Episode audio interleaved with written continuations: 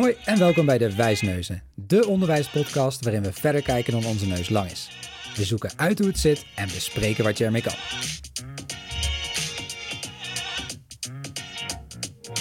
En in deze tweede aflevering staan we stil bij de vraag hoe zorgen we ervoor dat leerlingen en studenten feedback serieus nemen. Neem jij feedback serieus? Nou, dat ligt er een beetje aan eh, van wie ik feedback krijg. Oh, ne- neem je mijn feedback serieus? Zullen, we doorgaan naar de inhoud? Eh, Ja, oké. Nou goed. Wat is feedback? Jij bent er lekker in gedoken. Goeie vraag. Ja, belangrijk om daar inderdaad eerst even op in te gaan. Ehm, nou, als we het over feedback hebben, hebben we het over een proces. Dat is al als eerste even goed om te benaderen. Niet over een soort van overdracht aan informatie. Nee, over een proces hebben we het. En specifiek over een proces dat ervoor zorgt dat studenten en leerlingen in deze context even ehm, informatie verkrijgen waarmee ze hun eigen handelen of hun eigen werk vervolgens kunnen verbeteren. En je kunt dan nog onderscheid maken tussen eh, progressiegerichte feedback, eh, waarbij vooral wordt gekeken naar waar kom ik vandaan zelf eh, en hoe, wat heb, kan ik, heb ik dus te verbeteren. Of discrepantiegerichte feedback. En dan kijk je veel meer naar een standaard waar je naartoe werkt. Dus waar ga ik naartoe? Ja. Dat is even kort wat feedback is. Ja, dus waar kom ik vandaan? Wat, wat doe ik al goed? En hey, welke stap heb ik gezet? Maar wat zou inderdaad nog beter kunnen? Of waar werk ik naar naartoe? Precies, precies. Ja. En, en het is belangrijk voor het leren natuurlijk, maar het levert ook vooral veel vragen op, zeg maar, hè, feedback. Het is altijd wel een heikel punt. ja. Waar, waarom levert feedback zoveel vragen op eigenlijk? Ja, nou ja, precies. Dat is een goede vraag. Eh, blijkbaar dus omdat het heel moeilijk is om, eh, nou, denk ik, zowel goede feedback te geven als te ontvangen. Ehm, we merken dat eh, leerlingen en studenten niet zoveel doen met feedback die we geven eh, in, de, in de klas of in, in het onderwijs. Het belandt, zo te zeggen, wel eens op een feedback graveyard. Eh, ja, je bent zelf als docent hard bezig, je, je, je doet je best, maar eh, ja, er wordt amper meer naar gekeken. Uren nakijken s'avonds. Uren nakijken, Je geeft het blaadje terug. Ja, Ja, oké, dankjewel. Eén oor in, de andere uit. Yo. heel erg bedankt Ja. en de groeten, precies. Ja. Dus ja, dit, het is gewoon, het is een gevoelig onderwerp. En je merkt ook in, in de literatuur en in eh, gesprekken ook op scholen waar wij ook komen, dat die, doc- die docenten die, ja, die worstelen daarmee. Van, die, die, ja, je, de focus ligt heel lang heel erg op hoe kan ik goed feedback geven. Ehm, en misschien te weinig op ehm, ja, wat gebeurt er bij die persoon die feedback ontvangt. Daar Ja. kijken we vaak net wat minder naar. Dus dat wil ik eigenlijk ook ja, in deze podcast doen. Die twee spelers in dat veld Ja. even ja, gaan onderzoeken. Dus die ontvanger en die gever. Ja, Ja. leuk. Ja, want, want ja, help ons verder. Wat, wat kunnen we doen? Hoe zorgen we ervoor dat eh, nou ja, het serieus wordt genomen? Ja, nou, ik denk dat het even goed is om dan te beginnen bij eh, die, die speler, namelijk die student. Ehm, en daar begin ik ook mee, omdat ik zoals net al zei, daar de focus bij feedback minder op ligt. Eh, we vaak toch starten met hoe ik het geef. Maar hoe diegene dat ontvangt is best wel belangrijk om naar te kijken. En die, als eerste moet die student of die leerling in staat zijn om feedback te herkennen en te begrijpen wat de waarde van feedback is. Nou, een ingewikkeld concept wat daaronder ligt hè, is feedback geletterdheid. Dat is echt een vaardigheid. Dat betekent dus ook dat je dat moet leren. Eh, dus het herkennen, eh, het begrijpen en het ook het kunnen zoeken van feedback. En wetende dat dat dus belangrijk voor jouw leerproces is. Ehm, nou, en dat is best wel lastig, want ehm, daar hebben studenten en leerlingen hulp bij nodig om dat goed te kunnen. Ehm, nou, even kort van, hè, als we het dan hebben over hoe dan. Hoe help ik die student om mijn feedback uiteindelijk serieus te gaan nemen? Ehm, nou, een paar praktische dingen die erg helpen is... laat studenten ook oefenen met het zelfgeven van feedback. Mooi. Ja, Peer dus feedback, zeg maar. Precies, Ja, peer mooi. feedback. Ja, dat is echt een hele makkelijke tool om studenten ook de waarde van feedback te leren onderzoeken. Ehm, eh, en ja, ze ook beter eh, grip te geven op wat is nou eigenlijk goed, wat is nou kwaliteit. eh, waardoor ze ook ontvankelijker worden voor feedback van jou. Ja, het is eigenlijk ook dat normaal maken in de les. We geven elkaar, er is doorlopend Precies. feedback gaande van elkaar of met elkaar of op wat voor manier dan ook. Van docent op student, student op student, leerling op leerling. Dat hè? Ja. Precies ja. dat, precies dat. Dus het is niet meer een heel spannend zweetmoment waar iemand een heel hard oordeel over mij gaat hebben. Waar we het eigenlijk ook gewoon, dat vind ik ook altijd, hè, fe- feedback bij een, bij een summatief oordeel, denk ik altijd, dat, dat noem het dan een toelichting. Ja, dan is het geen feedback meer, Nee. want je kunt er niks meer mee. Nee, Weet je, dan het is het gewoon ook een verklaring. Precies, is verklaring, afgelopen. toelichting, huppakee. Ja, dus nou, Ja. feedback, daar moet, je, daar moet je wat mee kunnen. Ja, inderdaad. Ja, Landingsruimte wordt het ook wel eens genoemd. Zeker. Ja.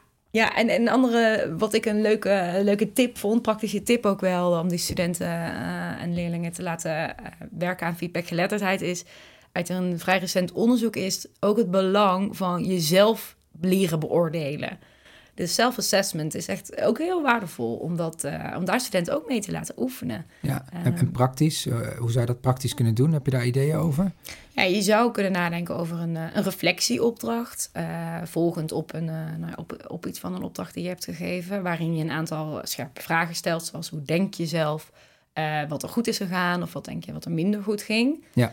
Ehm, wat je ook zou kunnen doen is eh, ze letterlijk voorafgaand aan een opdracht eh, laten bedenken wat, wat vind ik hier moeilijk aan of hoe verwacht ik dat deze taak zal verlopen. Ja, mooi. Eh, hè? dus dat soort dingen kunnen ook al heel erg helpen om die student meer in die aanstand te krijgen om ook jouw feedback uiteindelijk eh, en iedereen's feedback beter te Ja. ontvangen en serieus te nemen. En misschien een leuke tool erbij is volgens mij ook wel de, de, de single point rubric. Hè, de rubric van één ook wel genoemd. Zeker als elkaar feedback geven, maar die zou je natuurlijk ook op jezelf kunnen betrekken. Ja. Hè, dat is een rubric waarbij de criteria in het midden staan. En er staat bijvoorbeeld links staat, nou ja, wat kan nog beter? En rechts staat, wat gaat al echt goed?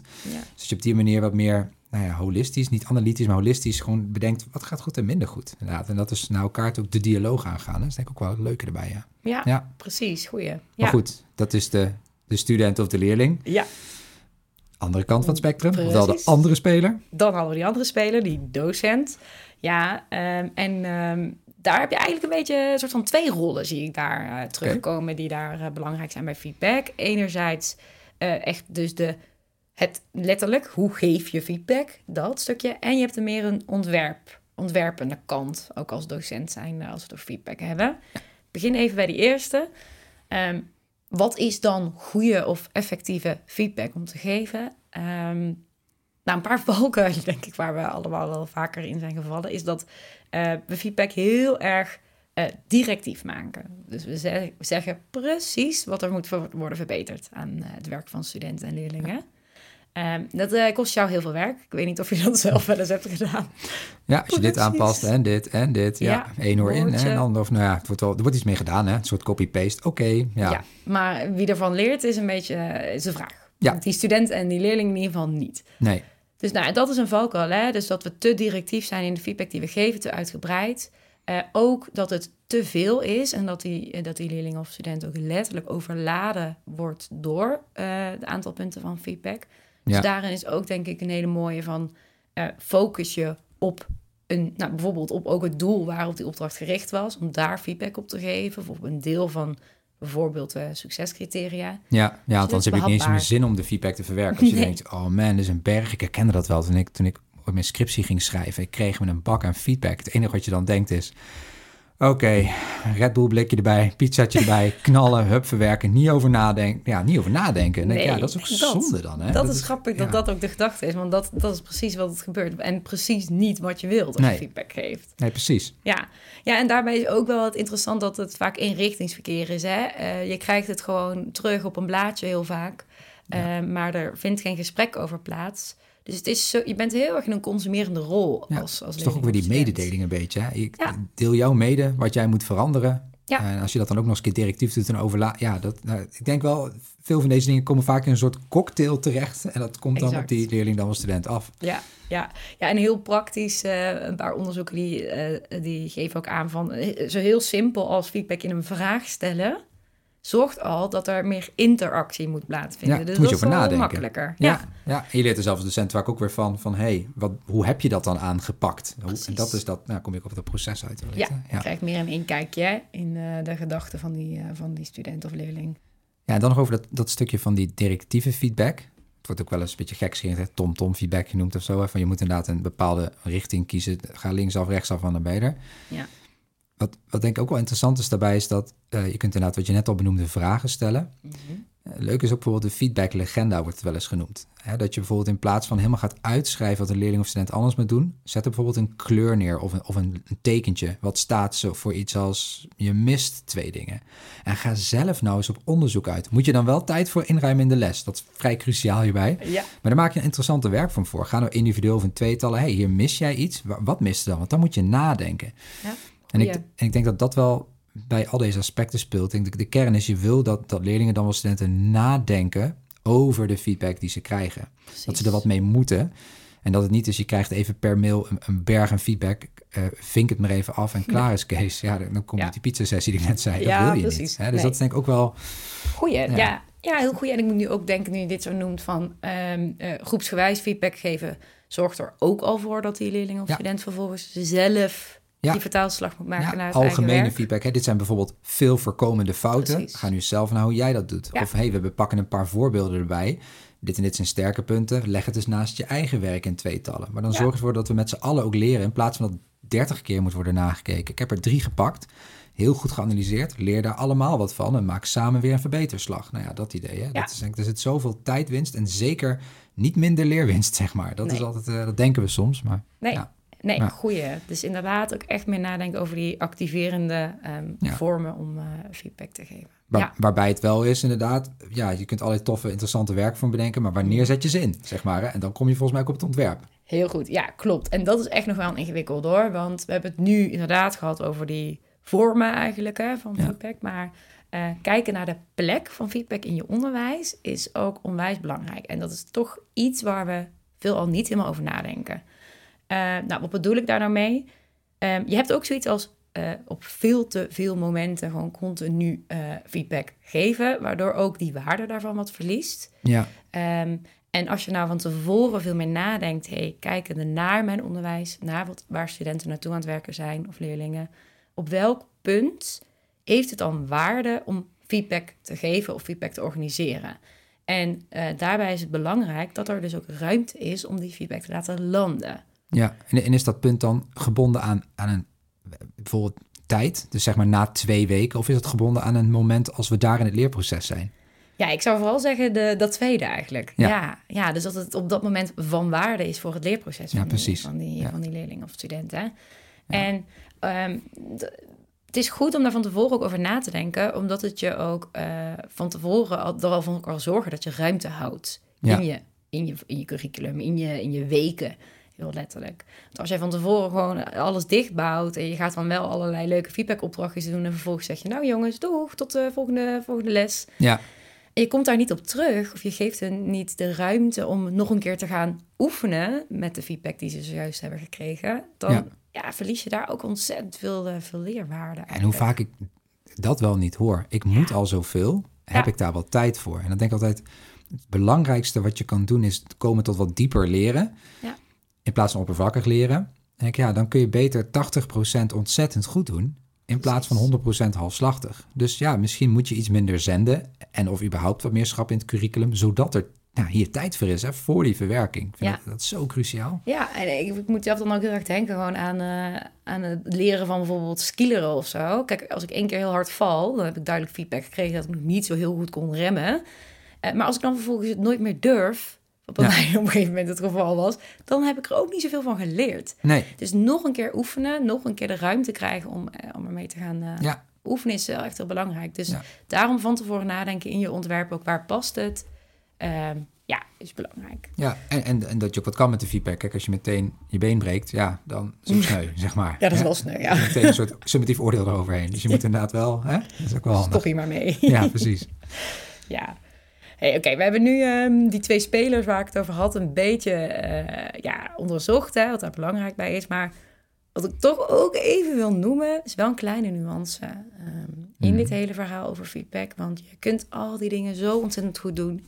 Je kunt zelf als docent zo goed nadenken over de plek van feedback en hoe je feedback geeft. En die student ondersteunen. Dat kan, kan je allemaal heel goed doen, maar uh, de ene onderwijscontext is niet de andere. En het blijkt ook wel echt uit onderzoek dat contextfactoren echt een grote rol spelen voor het, ja, het succes. Ja. ja, het succesvol laten zijn van uh, feedback. Ja, dus even een trainingje, effectief feedback geven in twee uur. Uh, dat is hem vaak niet. Hè? Dat denken we dan soms van, oh, dan weet ik hoe dat moet. En dan denk je, ja, dat is ja, nee. Ja, en kijk, het zijn ergens ook open deuren, hè, maar gewoon um, het, het hebben van een cultuur in je, in je school of in je opleiding, waarin ook echt het leren centraal staat. En waar ook echt ruimte is voor het elkaar aanspreken op en, en mogen leren en mogen Ja, fouten mag je maken. voor bij elkaar achter, ga je wel eens achter bij elkaar in de les kijken en geef je elkaar feedback? Ja, dat is dan toch vaak wel een beetje spannend. En dan gaat, want vaak gaan toch die deuren dicht. En, dan, en dat, er zijn gelukkig ook echt genoeg contexten waar dat wel een norm is. Ja, Dan denk ik, ja, we willen graag dat leerlingen en studenten dat leren, maar hoe vaak geef je elkaar dan feedback? En ga je daar ook goed mee om? Dat is nog een hele precies. belangrijke. Ja, het zelf ook ontvangen. Ja. Ja. Ja. en eh, wat ik ook nog wel een mooie vond, eh, het is eigenlijk ook wel logisch, maar informeel samenwerken, of gewoon veel samenwerken in je onderwijs, ondersteunt ook echt eh, feedback. Dus Ja. je kunt die student wel heel, of die leerling wel heel individueel laten leren, maar op het moment dat er veel meer interactie en samenwerking is, komt er ook al vanzelf informeel feedback. Dus dan wordt dat ook normaler. Dus die context is ook belangrijk om, om te creëren eigenlijk. Ja, voor de leerling en student. Nou, dus eh, ik denk even eh, korte samenvattingen. Ehm, dus hoe zorgen we ervoor dat die leerlingen en studenten die feedback serieus nemen?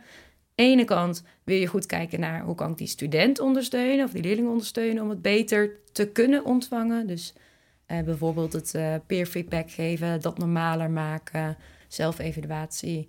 En aan de andere kant wil je als docent zelf goed nadenken over waar je feedback inzet. Eh, wil je ruimte houden om die feedback te laten landen? En zorg je, wil je ervoor zorgen dat je niet te veel eh ja, tom-tom feedback geeft eigenlijk. Nou, helder. Yes? Volgens mij een paar hele goede tips en inzichten.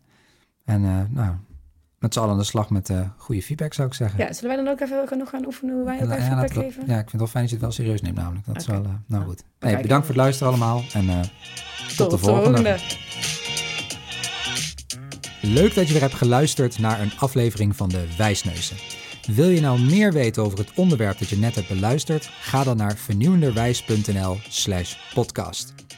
Heb je ideeën of suggesties voor de podcast? Stuur dan een mailtje naar podcast.vernieuwenderwijs.nl